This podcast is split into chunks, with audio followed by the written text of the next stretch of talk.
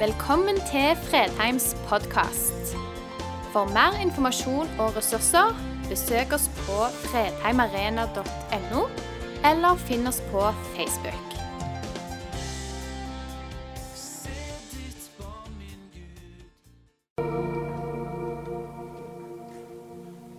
Kjekt å se noen ansikt fysisk til stede. Og nå ber vi om Guds nærvær. Gud, takk for at du er her. Takk for at du lengter etter å møte ditt folk. Forfriske og fornye, utruste. Gjør oss i stand, Herre, til å leve med deg og leve for deg. Takk for at vi har fått lov å være med i lovsang og tilbedelse. Løft opp ditt navn, Jesus. Du som er verdig all vår takk og all vår lovsang. Amen. De av dere som er medlemmer på Fredheim, har fått en mail. Og nå skulle jeg likt å tatt en håndsopprekning hvor mange som har lest mailen. fordi Det hadde vært greit å visst om folk leser mailen som de får, men dere fikk et lite hint om det vi skal snakke om, gjennom et sitat eh, som jeg sa dere skulle tygge litt på disse dagene før gudstjenesten. Det er en som har sagt at det å ta et valg før vi må, er en betegnelse for å lykkes. Jeg vet ikke om du er sånn siste liten type. Liksom det, det ordner seg nok. Men av og til det å velge, ta valg, kan gi bedre anledning til å lykkes seinere. Noen av oss driver og putler litt i hager og med dyrking og vekster. og Det nærmer seg sommer. Og nå vet vi at det vi ikke har gjort før nå, det begynner å bli seint med tanke på høsten. Det du ikke har sådd, det du ikke har planta, det du ikke har gjort klart, kan du ikke forvente skal skje noe særlig med til høsten. Det å ta valg før vi egentlig må, forberede oss, er en betegnelse for å lykkes. Teksten vi skal lese fra Guds ord i dag, finner vi i Johannes evangeliet kapittel 4. Vi er midt inne i en stor tekst hvor Jesus møter en kvinne, den samaritanske kvinnen ved brønnen i Sykar. Så skal vi lese et lite avsnitt midt inn i denne teksten, fra vers 31 i Johannes 4. I mellomtiden ba disiplene Jesus, 'Rabbi, kom og spis.' 'Jeg har mat å spise som dere ikke vet om', svarte han. De sa til hverandre, 'Har kanskje noe, noen annen kommet med mat til ham?' Men Jesus sa til dem, 'Min mat er å gjøre det Han vil, Han som har sendt meg, og fullføre Hans verk.' Dere sier, 'Ennå er det fire måneder til innhøstningen.' Men jeg sier dere, løft blikket og se på markene. De står alt hvite mot høst. Den som høster, får sin lønn og samler inn grøde for det evige liv, slik at den som sår og den som høster, kan glede seg sammen. Her er dette ordet sant.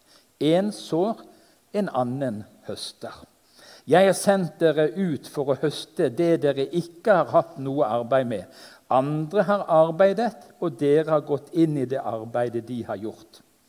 Mange av samaritanerne fra denne byen kom til tro på Jesus pga. kvinnens ord da hun vitnet. 'Han har fortalt meg alt det jeg har gjort.'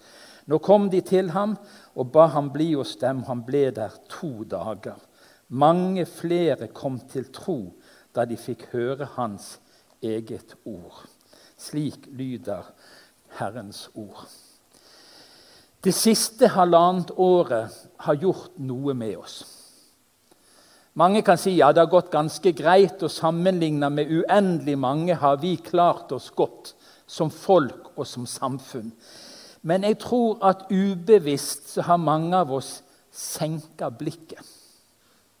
Blikket har blitt festa mer på det innadvendte. Vi er blitt litt mer urolige. Eh, på en måte så har vi mista liksom det der store utsynet Hele situasjonen har gjort oss mer nedslående i blikket vårt, innadvendte, kanskje mer sjølopptatte. Og det var vi fra før òg, men kanskje bare det er blitt mer av det. Det pusses opp mer enn noen gang. De går tomme for materialer, for vi har brukt tiden på å ja, pusse og fikse på våre forskjellige fasader. Og Nå tror jeg det har vært viktig og riktig at vi har tatt hensyn til denne situasjonen. Men det er en fare, og det er at vi har mista det der løfta blikket som denne teksten sa. Vi har mista utsynet, vi har mista de store linjene. Alt har blitt krympa inn til å handle om oss sjøl og den utfordringen som, som, vi har stått i. Vi har mista det store målet av syne. Og Denne teksten gir oss to sånne spennende, gode hint eller tanker til å hjelpe oss å få rett fokus. Disiplene jeg føler meg veldig lik disiplene. De var opptatt av mat. De var sultne, og de gikk og handla. Og når de kom tilbake igjen til Jesus, så forsto de ingenting. Er det noen andre som har gitt han mat? For han var ikke sulten, rett og slett. De var jo skrubbsultne. Og så kommer det fra Jesus et lite sånn hjertesukk. Jeg har en annen mat. Jeg er opptatt av noe annet. Jeg har noe annet som tilfredsstiller Jesus måtte også spise. sant? Dere forstår jo det. Men det var noe annet som fylte Jesus. Jesus fikk være midt i en situasjon hvor han møtte en kvinne, fikk lede henne til tro. Hun satte i gang en bevegelse, og så kjente Jesus og det er så godt å få lov å være med på noe sånt. Og det tilfredsstiller meg, det fyller meg, det gir meg mening. Nesten så jeg glemmer at jeg er sulten. Hva er det du er opptatt av? Er det noe som er større? Er det noe som er rikere? Er det noe som er viktigere? Er det noe som på en måte kan Å, får jeg lov å være med på det, så glemmer jeg liksom litt av det andre. Jeg glemmer litt av det som ellers plager meg eller utfordrer meg. Men jeg har en mat. Og min mat, sa Jesus, det er å gjøre hans vilje. Og så kommer det et nytt sånn, en lite ting som kan hjelpe oss. Løft blikket. Se på markene. Jesus sa det til disse disiplene som var opptatt av mat og drikke og de praktiske tingene. Og sa slapp av litt, folkens. Ta en pause. Løft blikket. Der er noe som er større. Det er noe som er viktigere. Det dere ser her og nå i denne byen, det er ikke det eneste som er virkelig. Det er en større virkelighet. Og Jeg har lyst til å si det til meg sjøl og til oss som er på Fredheim, og du som ser og lytter i dag. Det er noe større enn den situasjonen vi har vært inne i og på vei ut av. Hele tiden har det vært en større virkelighet. Men vi har senka blikket, mange av oss blitt mer innadvendte, sjølopptatte, fokuserte. Og det har vært nok av grunner til å være urolige. Men i dag har jeg lyst til å si i evighetens betydning har dette halvannet året ikke betydd noen forskjell. Himmelen er like virkelig. Fortapelsens mulighet er like virkelig som den var før korona. Og Jesus lengter etter at hans folk skal løfte blikket igjen. Feste det på marker som er hvite til høst. Få en mat som er annerledes, og som gir noe helt annet enn det den vanlige maten gir. Hvite høstmarker, la oss si litt om det. Vi har en sånn klisjé, og jeg beklager, damer, jeg forstår dette litt urettferdig, som julaften på kjerringa. Altså, hva er det? Ting kommer altfor fort på, for uforberedt. Eh, vi vet det kommer, men vi har ikke gjort oss klar til det. Det kunne jo like Jeg vet ikke et annet ord for kjerring, mannfolk eller et eller annet sånn.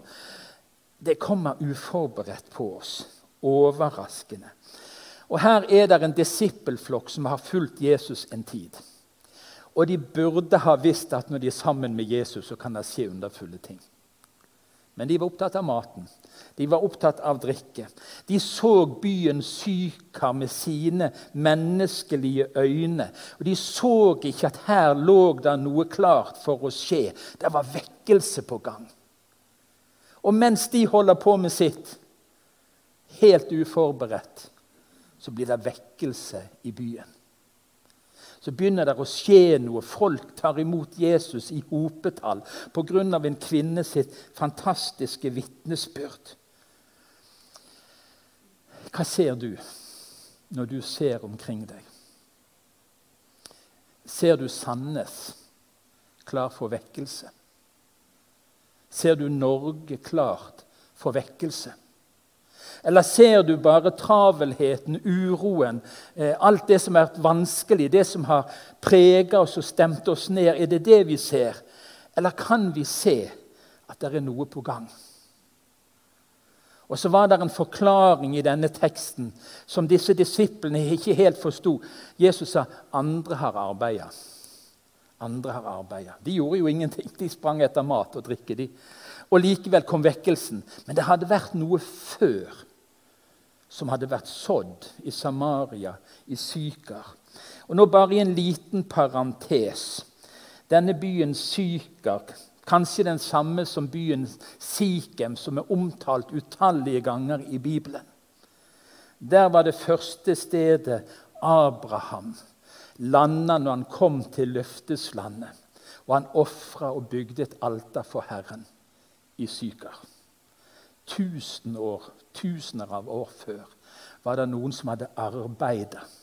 Der hadde Josef bygd en brønn, en kilde det var den første hovedstaden når Israel ble delt i to riker. Byen lå langs en kjent trafikkåre, var sentralt plassert. Andre har arbeidet. Andre har arbeida. Hva kan skje når andre har arbeida? Jo, vekkelsen kan komme som julaften på kjerringen.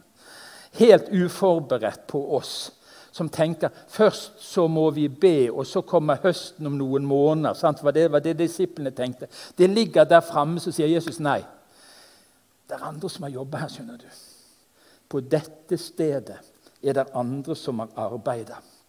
Og Hvis du går hjem og slår opp i Apostlenes gjerninger kapittel 8, så blir det på ny vekkelse i Samaria, om ikke akkurat på samme sted. Da kommer evangelisten Philip ned til Samaria, så står det der forkynte han Kristus. Og så blir folk frelst. Andre hadde vært der før og arbeida. Jeg syns det er så spennende. Du og jeg står i en kjede. Det har vært mennesker som har sådd, som har vitna, som har forkynt, evangeliet på det stedet der du bor, inn i de sammenhengene til de menneskene som du møter, som du tenker nei, de er så langt borte fra Gud, det kan ikke skje noe med dem. Du, andre har arbeidet før deg. Alt står ikke og faller på deg. Hva har skjedd i Sandnes? Hva vet vi om de tusener av mennesker som er bedt i årevis i Sandnes? For at denne byen skal ta imot Jesus. Alle disse som har bedt i generasjonene før oss om at Norge må bli frelst. En eller annen dag så skjer det. Og så står vi der, nesten helt uforberedt, og så lar Gud noe skje. Én sår, sto der i teksten, og en annen høster. Det må jo være litt urettferdig for de som har sådd og sådd og sådd. og sådd. Hvorfor kunne ikke de få lov å være med og høste? Og så kommer ja, Plutselig så kommer noen andre få lov å høste. Sånn er Guds rike. Vi står i en kjede gjennom generasjoner. I Sandnes er det mennesker som har bedt i årevis. I generasjoner. I Norge er det mennesker som har bedt årevis, i generasjoner, om at Gud skal gripe inn. Er du forberedt? Best som du går der, så kan det være mennesker som er klar til å lytte til ditt vitnesbyrd, din trosreise, og er klar for innhøstning. Og Da skal vi si litt om det som er hovedtema, det å forberede seg. Jeg skulle liksom hatt ordet skrevet opp. Hva står det midt inne i forberedelse? Det står 'forberedelse'. sant? Fantastisk ord. Forberedelse. Sommeren er nær, sa jeg innledningsvis. Våren har passert. Sommerdagene ligger foran, høsten ligger foran. det vi ikke har gjort til nå, er litt seint å begynne med. Det nytter ikke å plante alle ting nå. Det nytter ikke nå, fordi det må gjøres om våren. Det må forberedes til høsten. Sånn er det i naturen. Jeg tror at vi på Fredheim, mange av oss, jeg tror du lengter etter vekkelse. Du vet ikke helt hva det er. Det er ikke sikkert at du har bare annet enn hørt om det, men du har en lengsel etter tenk, tenk Gud, om det kunne skje noe i min generasjon i vår tid, ikke bare noe som skjedde i gamle dager for mange år siden. Denne forsamlingen ble født i en vekkelse i 1943. 300 unge mennesker ble frelst på tre måneder. Og vi sier Gud, la det skje igjen. La det skje igjen. For du, du er jo den samme. Du er den samme. Hvor mye hadde de forberedt vekkelsen i 1943? Ikke vet jeg. Men andre hadde arbeida andre hadde bedt, så kommer det noen og forkynner evangeliet. Og til de store forundring så blir folk frelst. De flytter fra et hjem, en stue, til lagerlokaler. Til slutt ender de i Sandneskirken, og kirken er sprengfull kveld etter kveld av mennesker som vil høre om Jesus. Er vi forberedt? Er, jeg har gått på noen ekteskapskurs opp gjennom livet. Jeg skal ikke si hvorfor, men jeg har vært innom det. Og Der har jeg lært at det er to ord du alltid Det er to ord du skal være veldig forsiktig med, og det ordet 'alltid' og 'aldri'. Nå sa jeg jo det ene ordet. Du skal være forsiktig med det. Alltid gjør du. sant? Aldri gjør du. Og hvis jeg da hører at 'aldri har jeg gjort', hvis jeg har gjort det én gang Haha, jeg har det, sant? for jeg gjorde det jo én gang. Altså ordet 'alltid'. Vi sier, og det står mye i litteraturen om vekkelse, at det aldri har vært en vekkelse uten at den var forberedt i bønn. Det står i litteraturen om vekkelse at alltid har det vært forberedelse. Alltid har det vært mennesker som har bedt. Og så sier jeg som regel så stemmer det, men av og til gjør Gud noe helt ufortjent. Og vet du hva det er? Det heter nåde. Gud kan sende vekkelse når han vil, og hvor han vil. Gud er suveren. Den hellige ånd arbeider mye mer på at mennesker skal bli frelst, enn vi noen gang gjør med våre anstrengelser. Men likevel vekkelse forberedes. Jeg har lest mange vekkelser som det er nesten forunderlig. Jeg leste om en vekkelse et sted hvor det var så og så mange som kom til tro på Jesus. Eh, og Så døde der en dame etter at vekkelsen var ferdig. Så fant de inni Bibelen hennes en navneliste med alle de navnene på som hadde kommet til tro under vekkelsen. Hun hadde bedt i årevis for at disse menneskene i bygden hennes skulle bli frelst. Så kunne vi ha sagt kunne ikke du ha skrevet på noen flere navn, da? Men ganske spennende å se i vekkelseshistorien hvordan bønn og vekkelse hører sammen to tips når det gjelder forberedelse. På 1800-tallet hadde USA en av sine største evangelister, D.L. Moody. Han fikk stå i enorme vekkelser. Han talte ofte i sammenhenger hvor det var mellom 10 og 20, oppimot 30 000 mennesker til stede. Han var i England, sto i store vekkelser. I by etter by i USA fikk han lov å være et redskap til at folk tok imot Jesus. Og Da begynner jo folk å bli litt interessert og få litt tips. Så kom der en gang en mann til D.L. Moody og så spurte han, hva kan jeg gjøre for å forberede vekkelse. Og Nå skal du lytte godt. Dette var svaret som Moody ga denne mannen. Ta med deg en bibel og et kritt. Gå inn på et rom hvor du er aleine. Sett deg på gulvet og tegn en ring rundt deg sjøl med krittet. Høres rart ut. Han var nok forundra, denne mannen. Så sa han, og så skal du be. Gud, gi nytt liv til det som er innenfor denne sirkelen. Sånn, sa Modi, forbereder du vekkelse. Gud, gi nytt liv til den som er innenfor denne sirkelen. Vi ber så ofte om vekkelse at de andre må skjerpe seg, at de andre må ville, at de andre Men så sier den erfarne evangelisten, tegn en sirkel. Sett deg midt inne i sirkelen og be Gud gi nytt liv til det som er innenfor den sirkelen. Og nå har ikke jeg kritt med. Jeg burde jo, det var dumt jeg ikke tenkte på det. At du skulle fått et kritt med deg i dag. Men du kan finne en måte å gjøre det på. Tror du det nytter? Hvis vi som er her i dag, hvis du som ser på i dag, hvis vi setter oss ned og ber av hjertet Gud gi nytt liv i mitt liv. Forfrisk mitt åndelige liv. Jeg som sitter her i denne sirkelen. Gud, begynn med meg.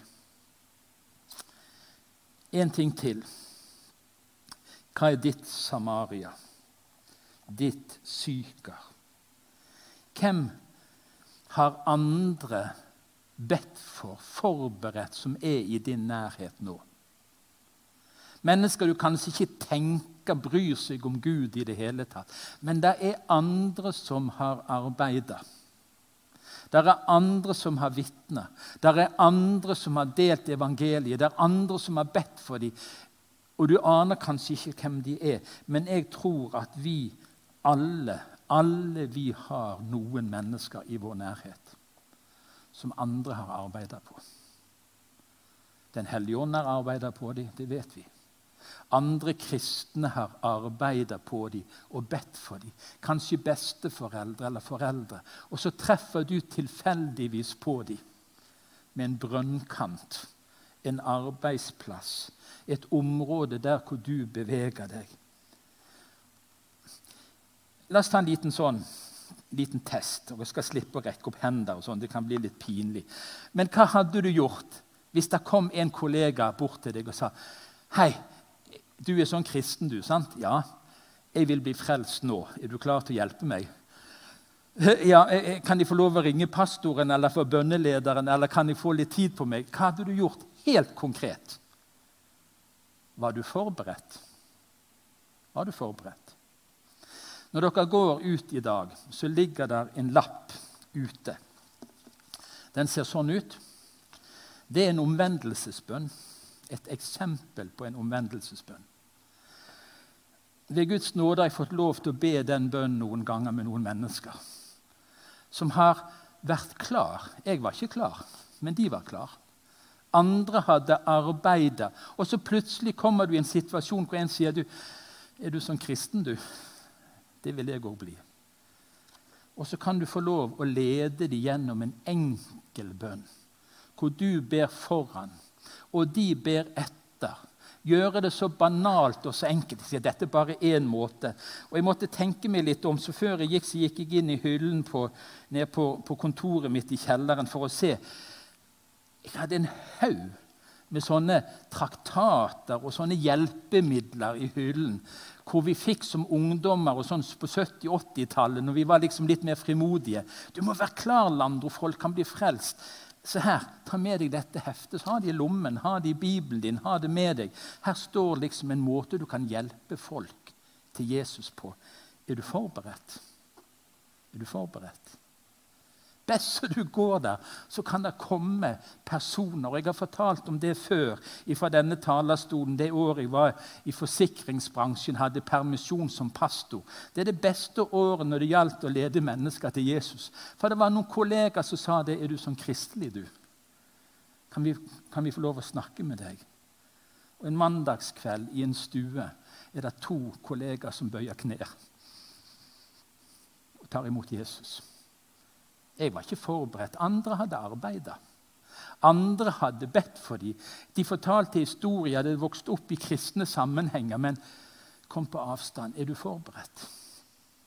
Er du klar? For du skjønner det teksten sier.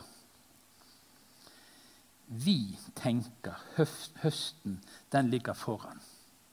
For jeg snakker ikke om august nå. Sant? Jeg snakker ikke om september eller oktober. Jeg snakker om en situasjon hvor mennesker er klare til å ta imot Jesus. Og vet du hvor tid det er? Det er nå. Det er i dag. Det eneste løftet vi har vi, kan, vi har dagen i dag. Vi vet ikke om morgenen, noen av oss. Men vi har dagen i dag.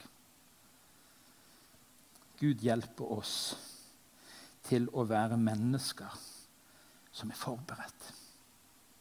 Og så skal du få lov å være en av de som arbeider. Du har noen du ber for.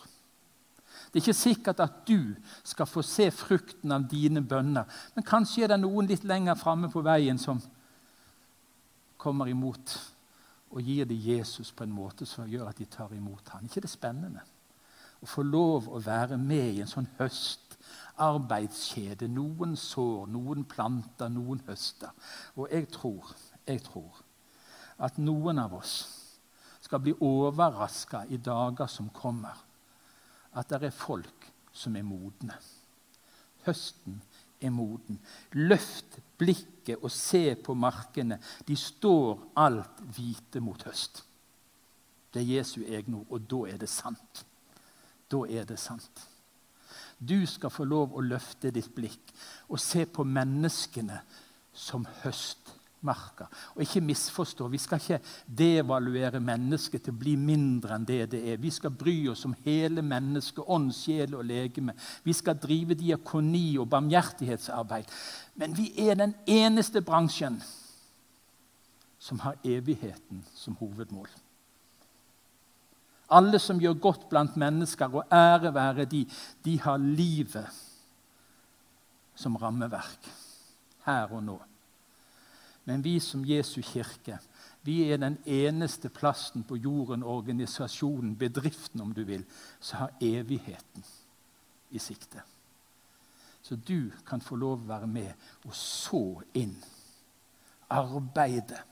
Og jeg tror at du òg skal få lov å være med og høste. Løft blikket. Løft blikket. Se på menneskene som elsker av Gud.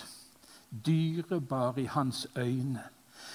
Synden deres er betalt på Jesu kors en gang for 2000 år siden. Veien hjem til Gud, den er åpen.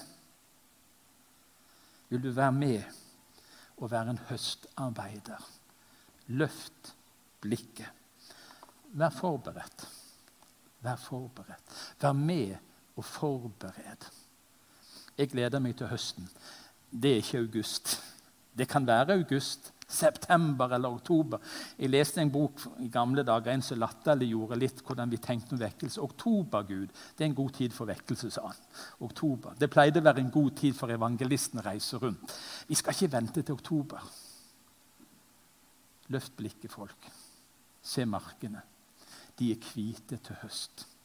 Og du kan få lov å være med og lede et menneske. Kjære Jesus, takk for at jeg får komme til deg som jeg er. Nå leser jeg denne bønnen. Du vet at jeg har gått mine egne veier. Jeg har syndet mot deg og mot andre i tanker, ord, gjerninger og forsømmelser. Men nå angrer jeg og bekjenner min synd for deg. Tilgi meg, Herre. Jesus, takk for at du døde på korset i mitt sted. Takk for at du vil være min frelser. Fyll meg med din Hellige Ånd. Fra nå av vil jeg at du skal være Herre i livet mitt. Jesus, hjelp meg å leve som din etterfølger. Og tenk om det sitter en foran deg på andre siden av bordet og sier Amen. La det skje. Jesus, takk for at du elsker. Du arbeider. Takk for at du, Hellige Ånd, arbeider uavbrutt på å lede mennesker til Jesus. Takk for de som har bedt for Sandnes, de som har bedt for Fredheim, de som har bedt for Norge, de som har bedt for misjonen i de forskjellige verdensdeler. Takk for alle som har arbeida, og takk for alle som arbeider. Og Herre, må du hjelpe oss til å løfte vårt blikk og se det du ser. Se mennesker med dine øyne, med din kjærlighet. Som mennesker som er klar for å ta imot nåde og tilgivelse og bli dine barn. Herre, gi oss den nåde. Amen.